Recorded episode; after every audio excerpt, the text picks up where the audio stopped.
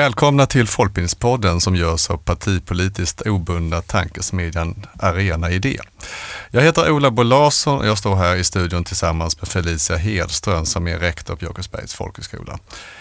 Idag har vi fått eh, celebert besök från Finland eh, och vi ska prata då folkbildning med vårt eh, nya kompisland som vi delar så mycket med. Förutom NATO-processer och sånt så har vi en lång tradition av folkbildning. Vi har också relativt nya regeringar båda länderna och Gemensamt är också tyvärr att vi har lite hot om nedskärningar av folkbildningen. En av eh, Finlands motsvarigheter till våra svenska folkbildningsorganisationer heter KVS, på engelska The Finnish Lifelong Learning Foundation. Vi misstänker att ni, våra kära lyssnare, inte är så bra på finska så vi kommer nu fortsätta på engelska. Uh, in the studio today we have the CEO of KVS, Lauri Tommy and the chairman of KVS, Pekka Sauri. Welcome. Thank you. Thank you. Pekka, uh, tell us a little bit about KVS. Well, KVS is, as you said, the lifelong learning foundation of Finland, and it was founded in 1874, 150 years ago. So we're going to have our 150th anniversary next year. And the foundation was started way before Finnish independence. Finland was part of Tsarist Russia at the time, and the it was only eight years before that Finnish primary education was separated from the church.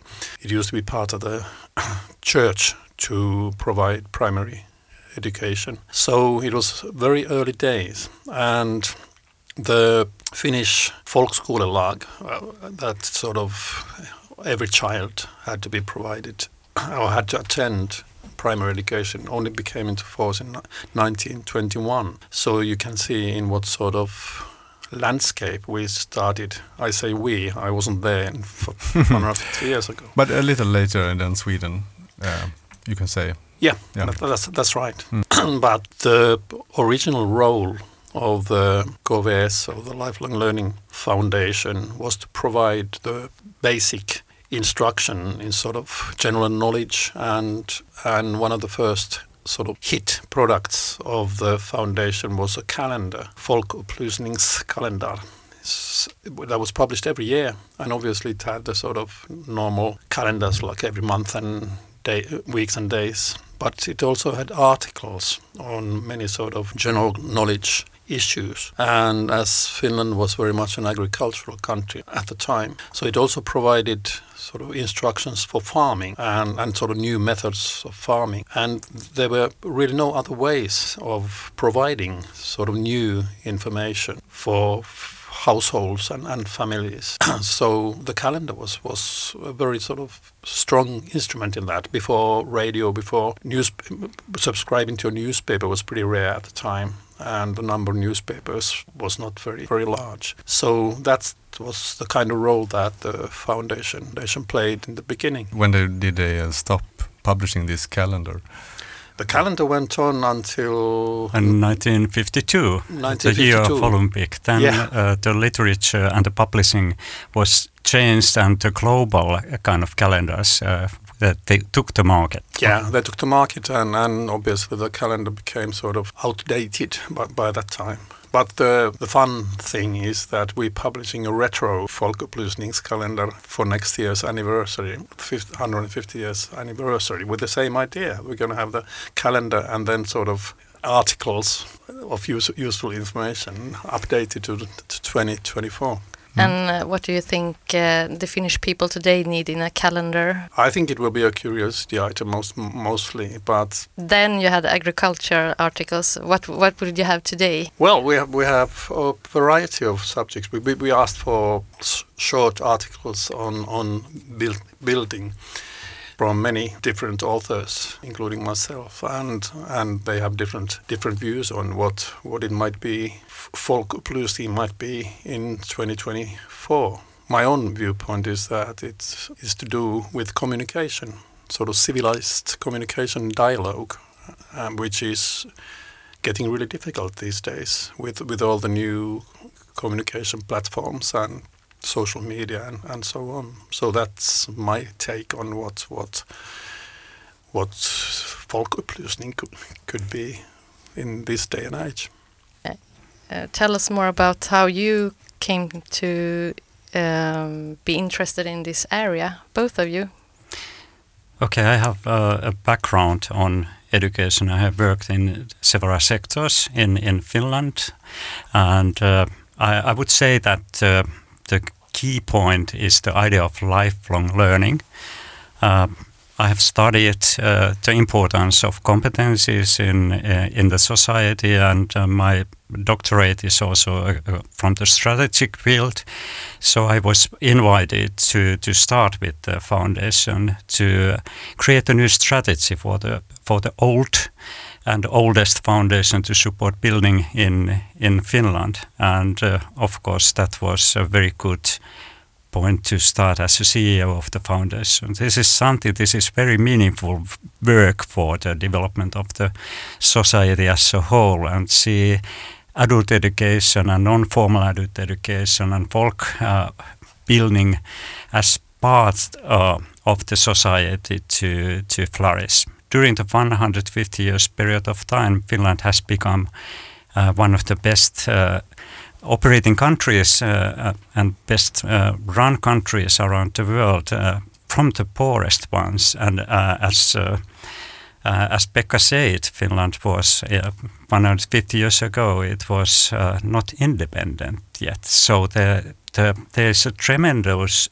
effect on social movements in, in the society. And, and I think the story of 150 years is full of kind of aspects which have raised uh, Finland to be uh, one of the best countries in the world. Yeah, we know. We're, yeah, we're really jealous uh, these days. and Pekka, how? I'm, I trained as a psychologist way back, long before your time. But uh, I I've been a local politician most of my life. I was deputy mayor for the city of Helsinki for 14 years, and after that, I got invited to be chair of the Lifelong Learning Learning Institute, which uh, suited me perfectly because, as Lauri was saying, the foundation was instrumental as as a sort of civil movement before many governmental organizations existed. And as in my time as deputy mayor of Helsinki, so I tried to build up the, the urban community because I think the situation is the same in Sweden that cities are many people regard cities as service providing organizations and the community aspect is sort of secondary and I, tr- I try to bring back the community dimension to urban living. And, and that's why the idea of, of the lifelong learning foundation sort of was is sort of corresponded with my thinking perfectly.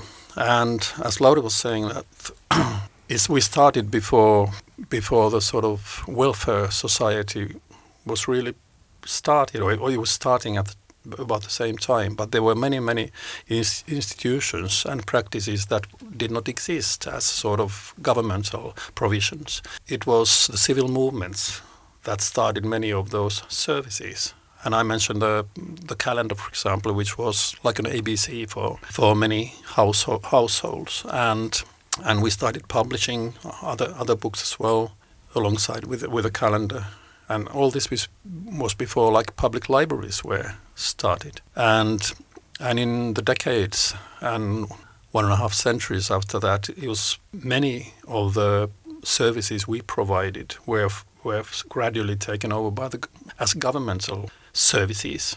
And this is why we have to we have had to constantly update all our activities and reinvent our sort of of reason for being really. And especially now when when there's there's no shortage of like learning material. Everybody can quote do their own research, put it that way. So we need to sort of find new ways of defining building or the or even find new ways of defining what being civilized means in this day and age, mm. and it's by no means easy. You're like more, almost like a like a think tank for folk building or uh, long life learning, or a, mm. uh, because I, you yeah. have, if, if if you compare to Sweden, we have different organization that is very into the to the practical education like we are, we are I mean we have study association we have folk high schools but you don't have really folk high schools maybe if I could yeah, go yeah. back to the history also yeah. the sector of uh, folkbildning mm. was set up by the by the foundation all uh, the discussion and the benchmarking from Nordic countries from Denmark and Sweden mm. were taken place in the uh, late 19th uh, century and then the movement started also thinking about uh, that we need uh, folk high schools, we need adult education centers, and we need different kind of uh, institutions to, to, to provide uh, training and opportunities to everyone to, to get access to learning and to learn. So in this sense, also folk building is uh, have has its roots in, in, in our foundation. Mm -hmm. And as you say that we, we are kind of think tank, but we think that we are more kind of think do because we, we are the driver of the change. Uh, we have been that for 150 years. We have kind of studied new uh, elements of folk building and then we have started it and then for example, government has taken uh, the role uh, running the general libraries or the National Broadcasting Company in Finland started its learning programs by the initiative of the foundation. And all, also all the institutions uh, in, in the folk building sector were, were started by the initiatives of the foundation. But we also run our own adult education Institute, which is part of the organization, we, yeah. and it actually runs courses and, and people attend the courses. So mm. it's not only a, a, think tank, but we also have a sort of customer interface, put it away. Yeah, yeah, it's a kind of laboratory for adult education, and uh, especially today, as the green transition is discussed, climate change issues, and also how the citizens could take their role uh, for the uh, climate change. So the idea is that we kind of pilot new kind of ways to provide educational courses or uh, courses to, to change the world to become better place. So um, this kind of community-based learning. So our adult education center is a kind of um, development lab mm. for uh, for the folk building. Yeah. So oh, that's interesting. But yeah. but now you're here in Stockholm. What are you doing here?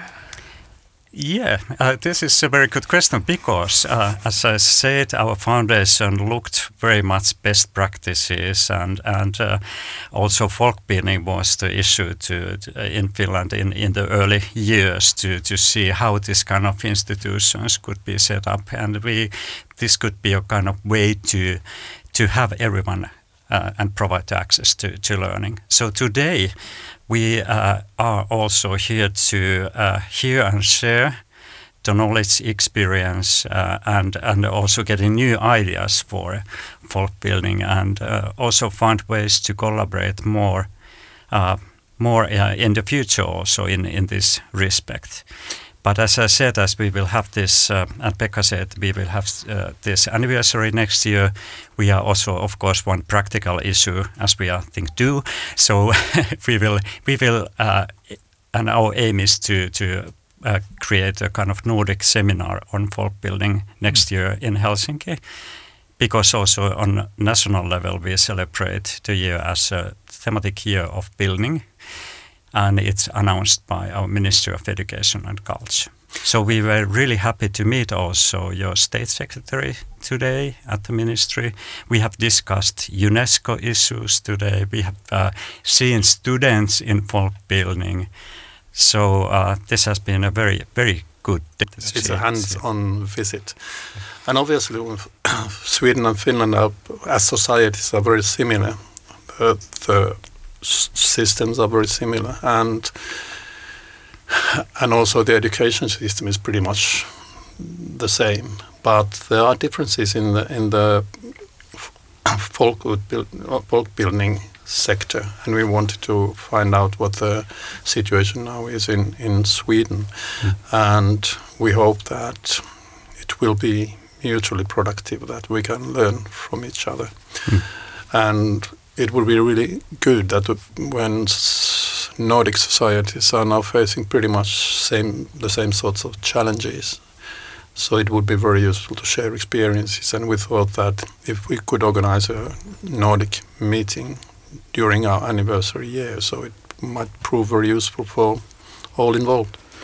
But this may be a good opportunity when you tell us a bit more about folkbildning in Finland. Um, Uh, are there folk high schools? Do you have study uh, associations like we have? Yeah, maybe I could uh, yeah. yes elaborate uh, the topic a bit more. We have uh, five different kind uh, of institutions among folk building. So we have folk high schools, about 70, a bit more in, in around Finland. We have adult education centers, which have a kind of a, a bit different role than folk high schools. Those uh, centers are uh, local kind of centers for learning, and they according to our law, need to kind of understand the local needs uh, of the society and, and the citizens and provide courses and learning opportunities for them. Then we have study centers, which mainly uh, provide uh, educational programs to associations, for example, Red Cross in Finland, uh, uses study centers and any other association can use the study centers.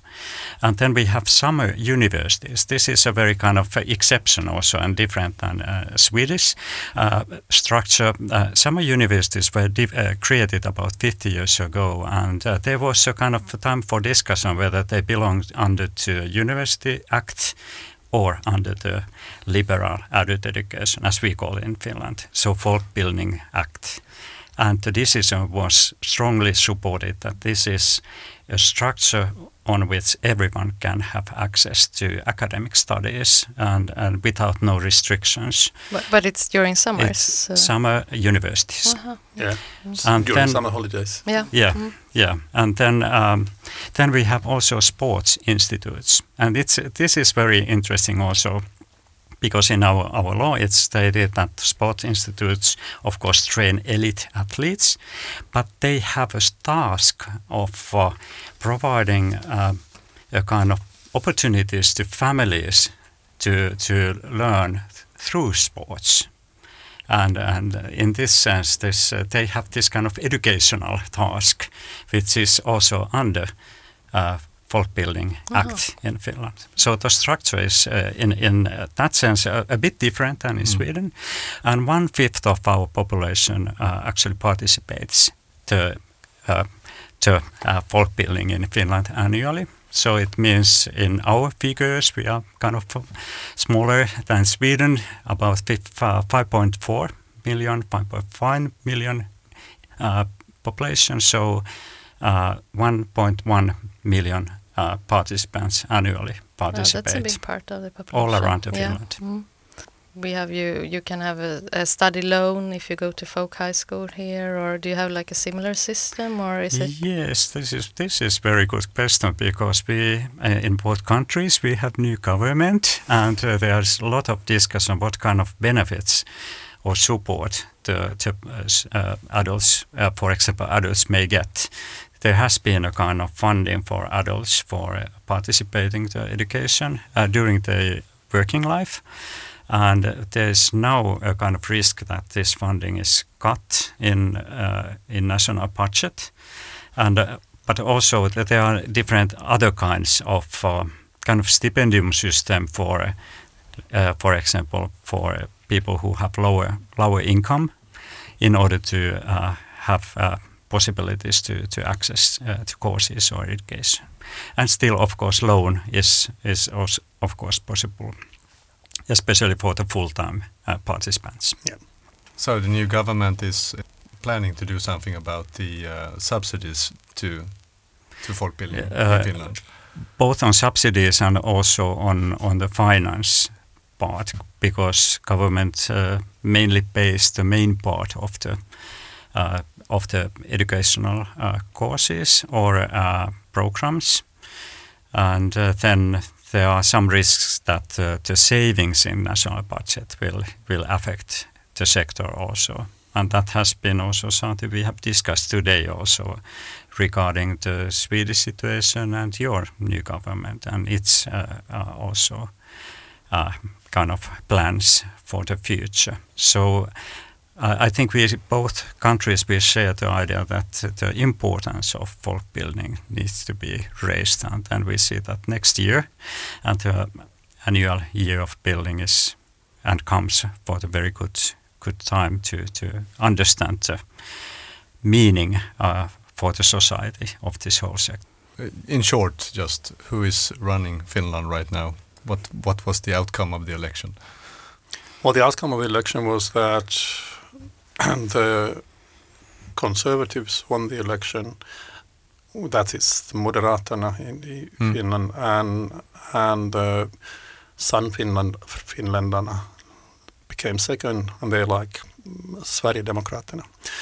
And the present government is now now con- is a coalition government between the conservatives, the the Sannfinländarna, the Swedish People's Party, and and the Christian Democrats. And so it's sort of it's a right wing government, and and they declare that their main task is to balance the national budget. And after the Corona years and various the Ukrainian war situation, the government took quite a lot of increased the national debt, and, and now the present government is sort of determined to, if not cut it, at least at least control it, and and obviously they're trying to find ways of finding budget cuts, and obviously the the risk for adult education is that, that some of it may may not be regarded as an essential part of the education system. So it will rely more on fees and, and not the government subsidy. But it's early days because uh, the draft budget for next year was published a couple of, a couple of days ago and, mm. and the debate has not started. So uh, it's mainly economic. It's it's not ideology. It's more like an econo economic mm. economic issue, but we try to make our argument as clear as possible that it's that education and also lifelong learning is an investment in in in the future anyway, and and, uh, and that the success, future success, also economic success of the country relies on education, both formal education and lifelong learning. Talking about this Nordic uh, conference you might have next year, there are of course similarities then in in Sweden with this problem uh, facing lower subsidies uh, maybe in the future for the study association next year maybe and even you, you, can look at Denmark. Maybe 20 years ago, there was some differences that that lead, led to a change in, in in the number of folk high schools from 100 to maybe 75 or something now. So I probably there is a lot of things that we that we have in common, the Nordic countries. I think so. Are there more things that you think about uh, that the Nordic countries talk about in in that uh, conference? I, I think the main topic should be the impact of folk building, the importance and the meaning of folk building. So discussing the and not only the values in behind, because we share the same values in, in a way in, in Scandinavian countries. And we have been the countries which have set up the system. Of course, other countries such as uh, Germany also has a very strong background, Bildung, uh, as mm. the term is but it's a, a, slightly different. The social aspect, the societal aspect is very strong in, in Nordic countries. So uh, then uh, there's a need to also to show the impact of this for the society and how we can show. Uh, I think there's a lot of uh, possibilities uh, during the seminar to uh, share different kind of results of research and, and also maybe set up some research programs together also and make, uh, make surveys and, and also collect the information we have and data we have because that is certainly needed for the decision makers. And I think the a common argument for at least Finland and Sweden probably the other Nordic countries as well, is that the th threshold for education and learning should be as low as possible. And now with the sort of financial financial situations, it's there's a clear risk that the threshold will be higher, and with less subsidies and, and more reliance on on fees for for the for part participating in, in education, and this I think will is certainly I think a, sort of common denominator for for all the Nordic countries. Mm.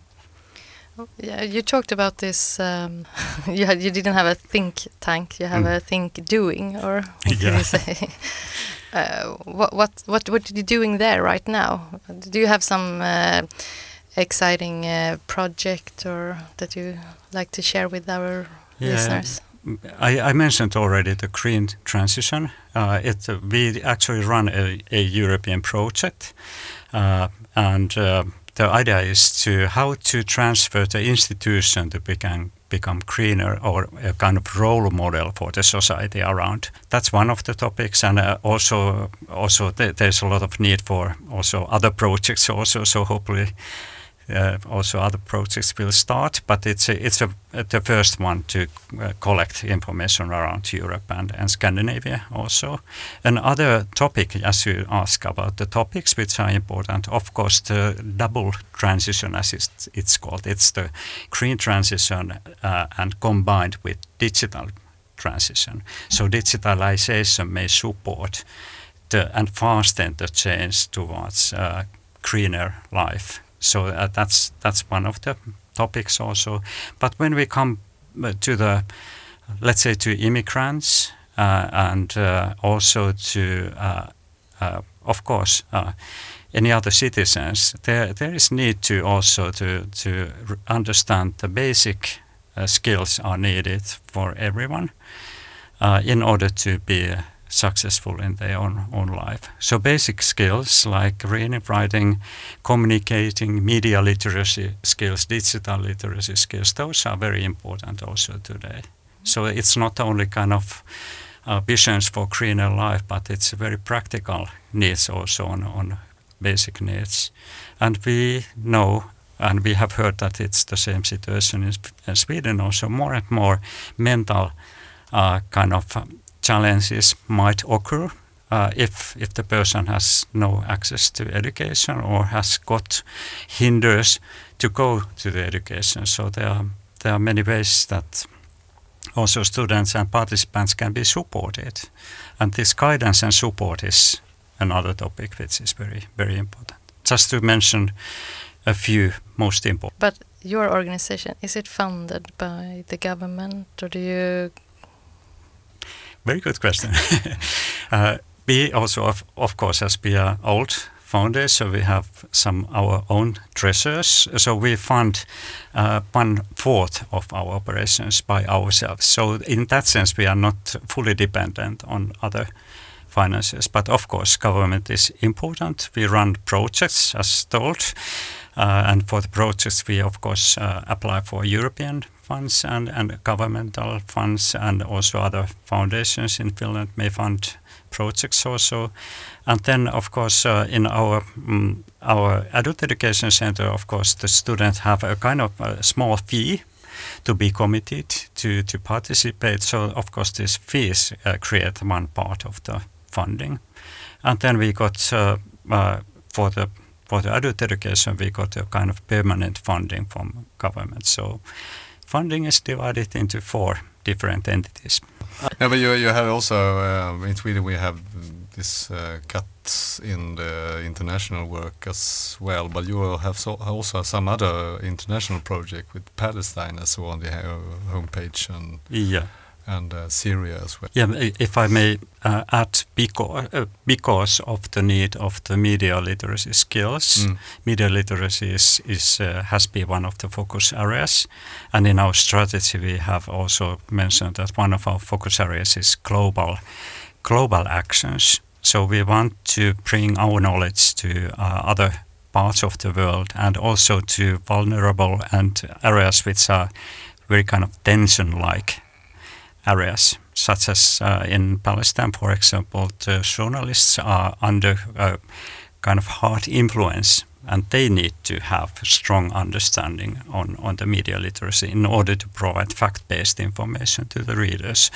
So that, uh, that's one of the focus areas we have and quite a strong area among our foundation as we, we do publish and we have journalists working on. And I'm very thankful for the volunteers from Finnish media because they actually want to be the teachers for this project. Uh, speaking about uh, in the international perspective, you are also the uh, deputy director of EA EA, who yeah. is the European uh, Association for, for Folkbildning or lifelong learning. But maybe you have something to say about what, what is happening in, in the European yeah. perspective yeah. right European now. is, uh, and European Commission, European Parliament, European Council, those are very important in regard to lifelong learning aspect.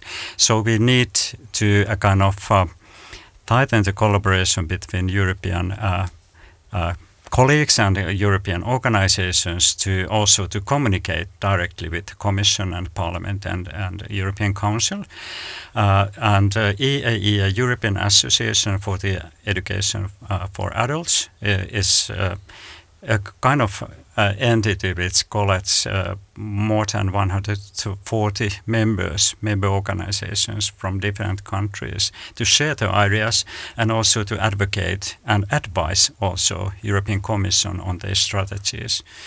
For example, two years ago, a new agenda for adult education and learning was uh, uh, kind of published by the European Commission, and that is a kind of framework for all of member states on the educational policy and it's also a kind of strategy document for adult education and learning and folk building also.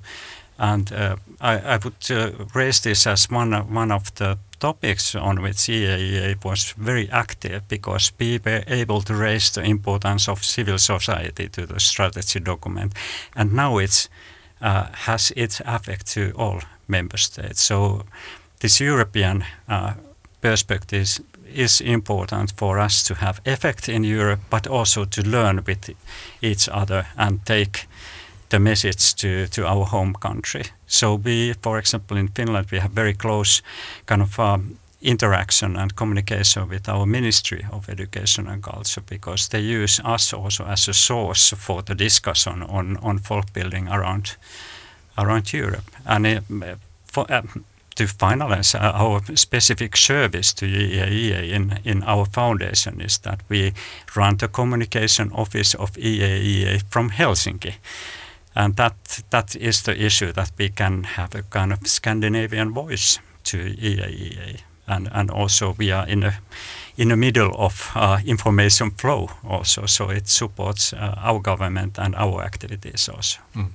And the Swedish voice is Gustav Fridolin that has yeah. been in this program before and talked about EA.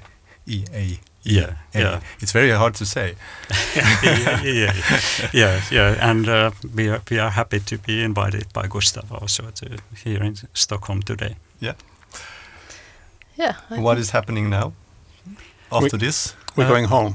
Ah, we go uh, and we will have our board meeting tomorrow, so we will discuss the experience of today, surely on, on the board, and, and also, of course, what happens uh, afterwards. Of course, uh, EAEA will have its ex executive board meeting, and uh, we will have more and more connections uh, between Finland and Sweden, and I'm really happy for that. Mm. That could be the uh, last word for our discussion. So thank you both to to be part of this program. Bye. Bye bye.